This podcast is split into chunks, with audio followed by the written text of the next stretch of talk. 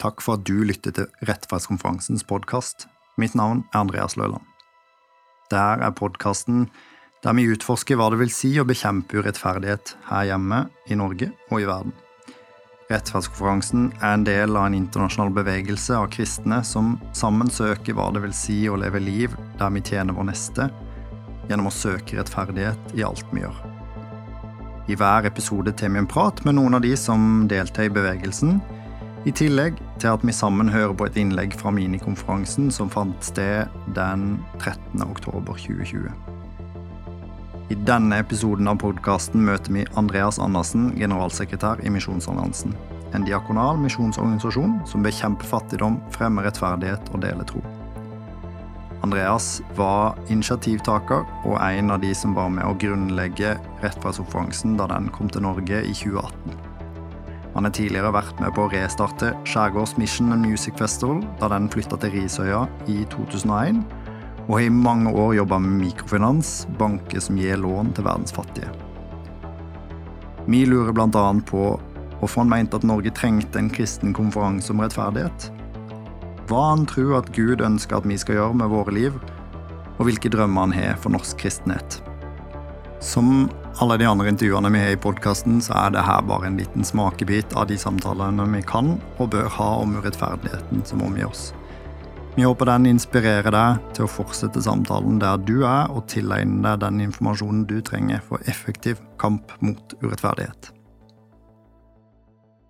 Velkommen, og takk for at du takka ja til å være med på Rettferdskonferansens podkast, Andreas Andersen. Tusen takk, kjempefint å være her.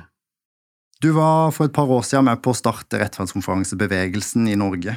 Eh, hva var det egentlig med norsk kristenhet som gjorde at eh, du tenkte at, vi trengte det her? Og hvilket håp eller hvilke tanker var det du ikke hadde når du ikke satte i gang, egentlig? Så vi, vi hørte jo i innledninga at Misjonsalliansen er en uh, organisasjon som har som formål å til hele tro uh, bekjempe fattigdom og fremme rettferdighet. Og vi og alle andre, tror jeg, som jobber blant uh, de mest fattige og mest sårbare menneskene i verden, vi ser og blir daglig konfrontert med urettferdighet. Um, vi ser at noe er riv ruskende gærent i verden, og vi ser at det er systemisk, og at det rammer ufattelig mange mennesker. Eh, og så er det alltid sånn at det er de mest sårbare menneskene som rammes.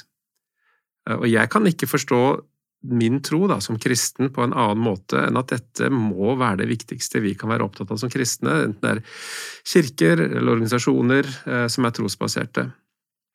Og så er det også dette at kristenheten er jo delt opp eller splitta i mange forskjellige konfesjoner som alle vektlegger ulike aspekter ved troen ulike kulturer i disse ulike sammenhengene. Men jeg tror at akkurat dette med kampen for rettferdighet og menneskeverd er noe av det som kan samle kristne eh, på tvers.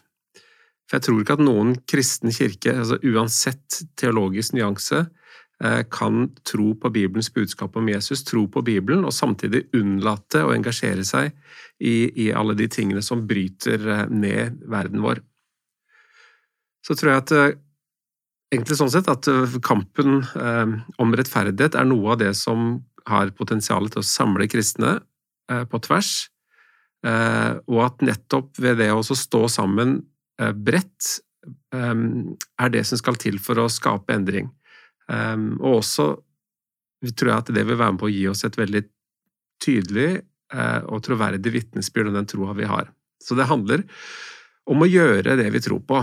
Eh, det har jeg vært opptatt av. Ehm, og, så er det dette med at ord eh, Vi snakker ofte om troa vår, vi snakker om hva det betyr, men ord er på en måte ikke nok. Ehm, når vi sier at ord kan varme, så stemmer jo ikke det. Altså man, ord hjelper ikke eh, mot kulde hvis du fryser. Ehm, du blir ikke mett av sympati for andre mennesker, eller eller undertrykte mennesker blir ikke satt fri av at noen har gode intensjoner og ønsker å gjøre noe med det. Det må konkret, og det må systematisk handling til for å gjøre verden til et bedre sted. Så det er altså det som er noe av drivkraften, og hva er drivkraften? At det er faktisk ikke nok å mene ting. Det er ikke nok å ha medlidenhet, det kan vi være gode på. Det er ikke nok å være opprørt, det holder ikke å be. Det er som vært noe av eh, det jeg tror vi alle er enige om. Eh, og så er det et veldig viktig aspekt til, og det er at eh, Dette med urettferdighet er ikke Vi kan ikke på en måte bare peke på at det er et problem som ligger utenfor oss selv eller hos andre.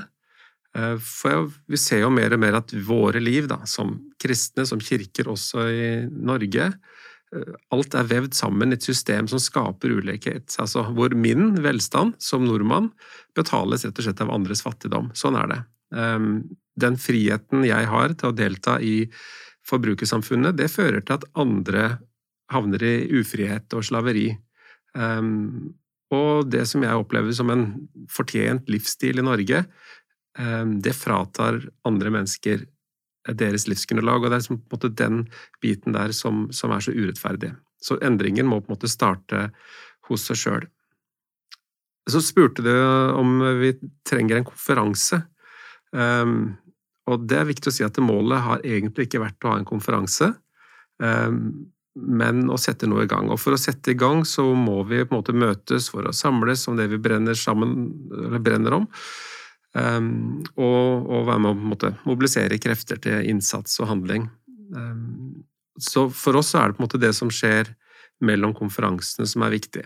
I den internasjonale delen av bevegelsen så snakker de om konferansen som er 'moment in the movement'. Um, og i det ligger det at det er mer enn det å på en måte snakke og mene kloke ting, så ønsker vi altså å mobilisere kirkas folk på bred front overalt til å ta valg og gjøre handlinger eh, i hverdagen eh, for å være med å kjempe for rettferdighet. Derfor var det også viktig, det er mitt siste poeng her, at denne konferansen ikke blir farget av ett trossamfunn, eller av, bare av misjonsallianse eh, og på en måte en sammenhengs måte å se verden på, Eh, vi hadde som mål å bli konkrete om eh, kirkas og de kristnes kall i et så viktig tema, og det også, også, også favne veldig bredt, sånn at alle kan være med på å skape positive endringer i samfunnet. Spennende. Og hva tenker du i dag, er rettferdskonferansen nådd de målene som, som en satser, som bevegelse? Eh, nei, både ja og nei. Altså, vi, jo, vi ser jo at vi har klart å samle ganske bredt, og det syns jeg vi skal være både stolte av og være fornøyd med. Altså økumenisk. At vi har, vi har klart å etablere en viktig plattform en felles agenda. Det er bra. Samtidig som vi ønsker å ha enda flere med oss i bevegelsen. Og så kan vi også si at eh, for Misjonsalliansen, som er del av dette, så ser vi at kampen for rettferdighet eh, har fått enda større plass hos oss. Vi har måte, gjennom dette søkt Eller vi har, vi har, måte økt innsatsen vår og søkelyset på det hos oss i vår egen organisasjon. Um, og ser at det blir enda stadig viktigere del av hvordan vi forstår og oppdraget vårt, og hvordan vi arbeider. Og det tror jeg skjer i en del andre organisasjoner som er med. Men vi må jo si nei, at vi har jo ikke nådd målene eh, om å skape endring. Um, mye i verden går i gal retning. Um, og på et, på et vis så kan vi jo si at jeg tror ikke at vi når målene som rettferdskonferansen har på denne siden av evigheten, men vi er jo en håpsbevegelse. Eh, vår oppgave er å skape håp. Jeg tror at hvis vi fokuserer på det som ikke lar seg gjøre, så blir fort veien til handlingslammelse veldig kort, eh, og til å resignere og gi opp, eh, og det hjelper jo ingen. Eh, verden blir ikke et bedre sted om vi lar på en måte motløsheten paralysere oss. For sannheten, som er på en måte drivkraften bak denne ideen med rettferdskonferansen, er jo at det vi sammen bestemmer oss for å gjøre noe med, det er mulig. Ehm, og aldri før har jo verden hatt en større og bedre mulighet til å skape eh, gode og varige endringer. Vi har bærekraftsmålene, som er på en måte verdens største dugnad, fellesinnsats, ehm, og en agenda som nesten hele verden tar del i. og Det gjør at jeg tror jo at det er enda bedre tid for oss å jobbe på denne måten her. Eh, for det at det vi er med, det vi gjør nå, det vi er i ferd med å gjøre nå, det kan gjøre umulige ting mulig. Eh, og så tror jeg at verden trenger eh, enda flere kristne, kirker, menigheter, institusjoner, organisasjoner og mennesker som er villige til å bruke sine egne ressurser til å nå det målet vi har om å bekjempe urett. Ehm, vi trenger flere sammenhenger, flere kristne sammenhenger, som viser i praksis at vi ser eh, våre medmennesker, også de som, eh, som eh, faller utenom, eh, og at vi er villige til å endre våre liv eh, og gjøre noe med det vi ser. Og så er det dette med koronakrisen som forsterker dette behovet enda mer. Enda flere mennesker har nå de siste månedene blitt sendt ut i fattigdom. Eh, enda flere mennesker har blitt stående igjen eh, uten et hjem, eller sittende alene uten omsorgspersoner. Alt dette her um, gjør at vi ser jo at målene i denne store dugnaden som bærekraftsmålene er, kan bli enda vanskeligere å nå pga. korona. Derfor er det enda viktigere nå at vi ser at vi tar et felles ansvar eh, for å se de som, eh, som rammes hardest. Hvordan tenker du at eh, bevegelsen best bør utvikle seg framover? Hvilke håp har du for rettferdskonferansen? Vi må jo ha med enda flere. Altså, rettferdighet er en måte å leve på, og vi ønsker å bidra til å skape en bevegelse som egentlig hele kristenfolket eh, deltar i. Det er jo håpet og målet vi har, at eh, enda flere skal være med. Um, og Derfor så er det jo igjen, som jeg sa i stad, litt paradoks at vi har en konferanse, for det er jo på en måte ikke de ordene eller de fine tankene eller på en måte foredrag og sånt som står i sentrum, men den konkrete handlingen. Um, så, så, mer enn at folk skal gå hjem og tenke etter å ha hørt på denne podkasten eller på en, et av våre seminarer når vi kan være sammen fysisk også, istedenfor at de skal tenke at uh, dette var uh, godt sagt, uh, så ønsker vi at folk skal tenke at dette skal jeg gjøre.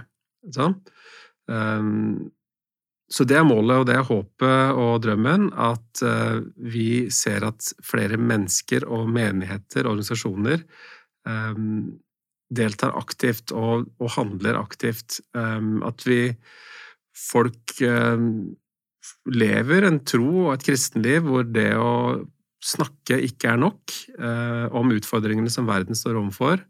at uh, vi viser alvor med at det vi tror på, uh, det får følge for hvordan vi bruker tida vår og pengene våre osv. Dette er veldig alvorlig og viktig for oss Eh, for hvis vi ikke gjør det, som kristne og som menigheter, hvis ikke vi aktivt tar måte, stilling til det vi ser som er galt og som bryter ned vår verden, um, og, og, lar det på en måte styre hvordan vi, hvordan vi, lever og prioriterer, hvor blir det da av troverdigheten uh, på at det finnes en god Gud som har kommet nær gjennom sitt folk og sin kirke? Hvor blir det da troverdigheten i at som vi snakker om at vi kommer med et godt budskap for verdens fattige, eh, for de som lider, eh, og budskap om at vi tjener de, de som er minst blant oss. Så håpet er at vi som kristne kirker og organisasjoner først og fremst, eh, mer enn noe annet, blir kjent for vårt felles arbeid for rettferdighet, heller enn måte, våre interne stridigheter og forskjeller. At vi at det vi tror på, blir konkret og synlig og merkbart for mennesker. At Kirken blir hender og føtter i arbeid for rettferdighet, heller enn et fellesskap som er innovervendt eh, og irrelevant for verden utenfor. Takk for praten, Andreas, og takk for ditt bidrag i kampen mot urettferdighet. I denne episodens klipp skal vi høre Sunniva Gylver fortelle om bibelsk rettferdighet i sitt innlegg på minikonferansen den 13. oktober 2020. Sunniva er prest i Den norske kirke og kjent som programleder på TV. Hun har som prosjekt i livet at du vet aldri når du er et annet menneskes vendepunkt. Hun er opptatt av at vi må bli kjent med hverandre på tvers av det som skiller oss. God fornøyelse. Jeg er veldig både stolt og glad over å kunne fortsette samarbeidet med Rettferdskonferansen å være en del av nettopp denne bevegelsen. Når vi nå ikke kan samles fysisk, så er det strålende at vi tross alt kan samles rundt kjøkkenbord og stuer og kontorer digitalt over hele landet for å inspirere og utfordre hverandre. Dette er jo live, så delta veldig gjerne med dine tanker og spørsmål i kommentarfeltet i sendingen på Facebook-siden vår så svarer vi så godt vi kan underveis. Start gjerne med å skrive hvor i Norge eller verden du sitter. Send gjerne også en tommel opp eller en annen reaksjon i løpet av sendingen.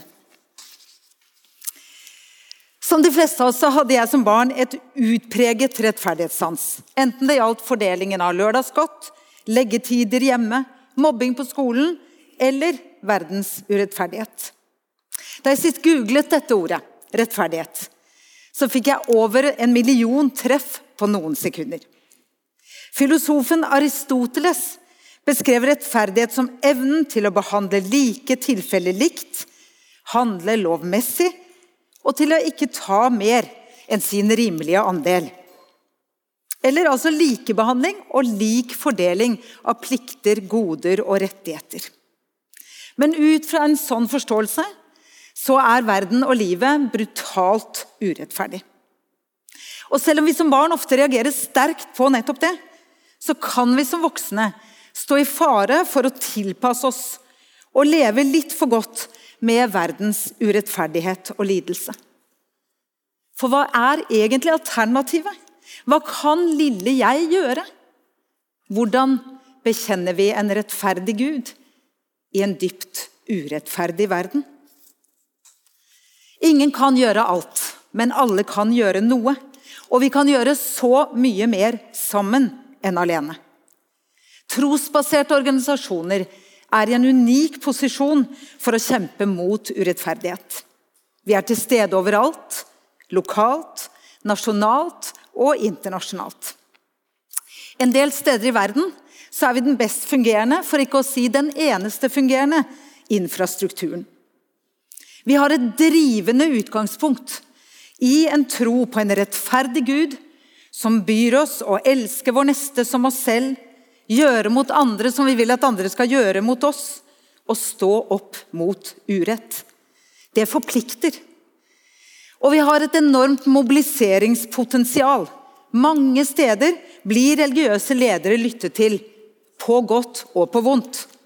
Opp igjennom historien så har tro og teologi både legitimert urett og urettferdighet, og motsatt har tro og teologi mobilisert til frigjøringskamp og kamp for rettferdighet.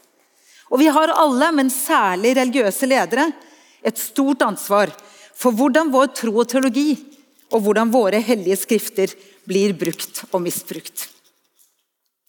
Som prest i Den norske kirke så arbeider jeg under visjonen 'Mer himmel på jord'. Eller som vi ber i Fader vår, 'På jorda som i himmelen'. Det er også den røde tråden i denne dagens konferanse.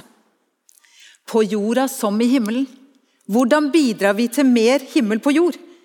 Hvordan bekjenner vi en rettferdig Gud i en urettferdig verden?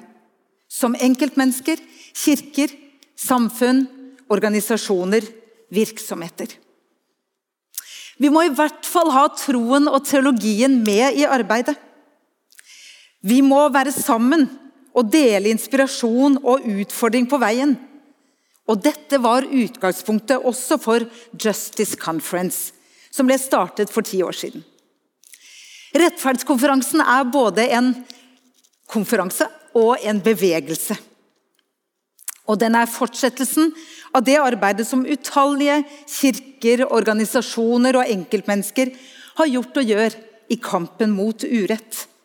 Den er inspirert av et kristent verdigrunnlag, men samarbeider også med aktører av annen eh, religiøs tilknytning eller ikke-religiøst i kampen for rettferdighet. Denne kampen er altså ikke en kamp som vi kan outsource til de spesielt engasjerte eller særlig interesserte blant oss. Den er ikke noe som vi som kirker eller andre trosfellesskap kan velge bort. Kampen for rettferdighet er en helt nødvendig del av det kristne livet. Urett og ulikhet det truer Guds elskede skapninger og skaperverk og fellesskapet blant oss. Eller som sjefredaktøren i The Lancet, et medisinsk tidsskrift, sa nå i vår Kampen mot korona kan ikke vinnes uten at vi tar kampen mot ulikhet. Dette er ikke en pandemi, men en syndemi. Det er ikke alltid fra teologene man hører det. Vi har alle kall til å forenes med Jesus Kristus og med hverandre i kampen for livet i vår verden. Og bidra til mer rettferdighet, mer himmel på jord. Grunnleggeren av rettferdskonferansen, presten Ken Witzma, han framhever nødvendigheten av at vi som kirker og troende forankrer vår kamp for rettferdighet i en rettferdsteologi. Den går ut på at vi rett og slett lar vår forståelse av Gud og vår forståelse av rettferdighet henge sammen og informere hverandre. Han understreker at rettferdighet er et helt sentralt aspekt ved Gud og ved Guds vilje for verden. Og at For oss mennesker handler det ikke bare om å gjøre rettferdige handlinger. Å stå opp for rettferdighet, så viktig som det jo er. Men det handler om å bli rettferdige. Og bli rettferdige gjennom at Gud får forvandle oss. Om vi bare har rettferdighet som å gjøre gode handlinger, så kan vi stå i fare for at det handler mest om oss selv. At det da enten handler om å bli selvgod, vi som har det riktige engasjementet, eller at det handler om å bli motløs. Hva kan det nå bety, det lille jeg gjør? Vi må ha rettferdighet som et helhetlig perspektiv på hvordan vi lever, elsker, ber, arbeider, forbruker. Witzma understreker at denne rettferdigheten handler om å bli med på Guds forvandling av oss og av verden. Og at den rommer så mye, mye mer enn å ta oss sammen, handle rett og få som fortjent.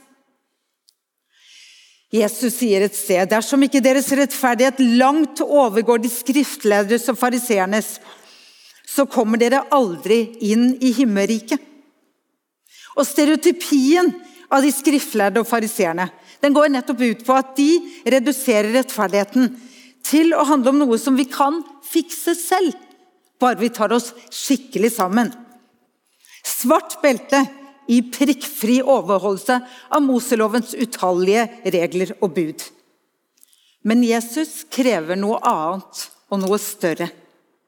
Alt, alle bud, alle regler, all rettferdighet sammenfattes i budet om at vi skal elske Gud og elske vår neste som oss selv. Dessuten, den etiske lista i Bibelen ligger skyhøyt. Så høyt at vi mennesker, både gode og onde som vi er, ikke kan fikse verken rettferdighet eller verden på egen hånd. Vi trenger den nåden vi har fått og får i Jesus Kristus korsfestet og oppstanden. Vi må både tåle at vi trenger nåden, og vi må tro at vi er verdt den, og at vi får den. For å bli rettferdige og for å holde ut i kampen for rettferdighet. Jeg må bare hente litt vann. Beklager.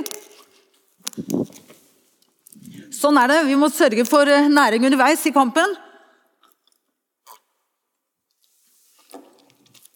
Rettferdighet er et helt sentralt begrep i Bibelen, med nesten 200 treff. Jeg mener at det er omtrent fire ganger så mange som treffene for bønn. bare så det er sagt. Og Da Fattigdom og rettferdighetsbibelen kom ut på norsk i 2015, så var nesten 3000 vers forhåndsgulet ut som vers som handlet om nettopp fattigdom og rettferdighet.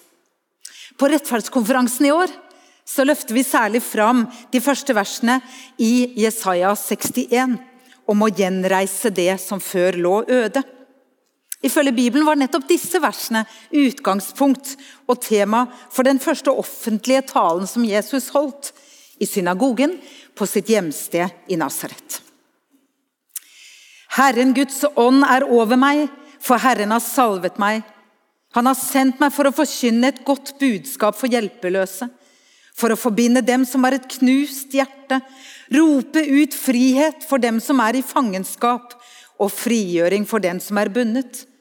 For å rope ut et nådens år fra Herren og en hevnens dag fra vår Gud. For å trøste alle som sørger, og gi de sørgende i Sion turban i stedet for aske. Gledens olje i stedet for sorg. Lovsangsdrakt i stedet for motløs ånd. De skal kalles rettferds eiketrær, som Herren har plantet for å vise sin herlighet.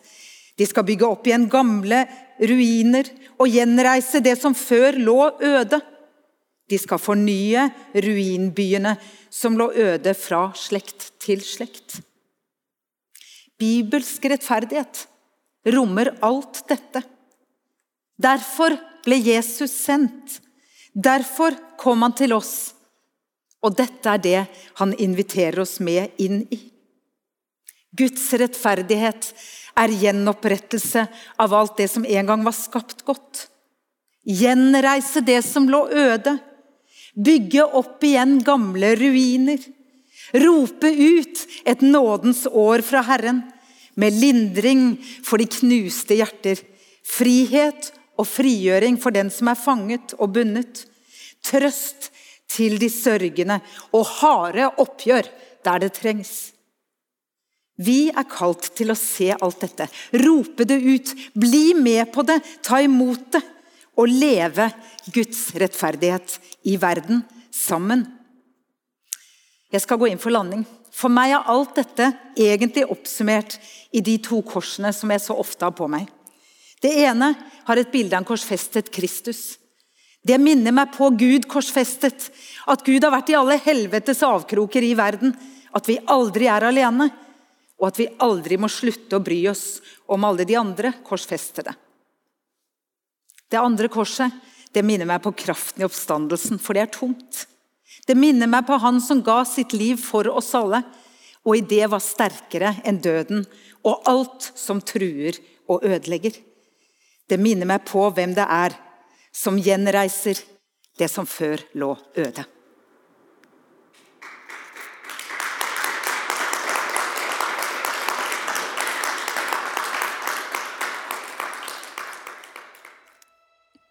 Jeg kjenner at budskapet om rettferdighet og kallet vi som kristne har overfor våre naboer og medmennesker, utfordrer meg. Jeg kjenner heldigvis samtidig at jeg inspireres til handling. At jeg inspireres av det tydelige kallet til nestkjærlighet som ligger i min kristne tro, og i eksempelet som mennesker som Andreas og Sunniva setter med sine liv. Jeg håper du blir med videre i jakta på hva det vil si å bekjempe urettferdighet her hjemme og ute i verden. I neste episode av podkasten spør vi hva som er spesielt med kristent hjelp- og utviklingsarbeid, og vi hører preses i Den norske kirke tale om hva han inspireres av i sitt arbeid for å se at det skal bli på jorda som i himmelen, også i praksis. Sjekk også gjerne ut rettferdskonferansen.no, og følg oss på Facebook for å se hva som skjer i jakta på rettferdighet. Vi har bl.a. et webinar den 27.10.2020 om vårt forhold til Gud. Det vi kalte for En tro med konsekvenser. Bli gjerne med der. Takk for nå. Vi snakkes.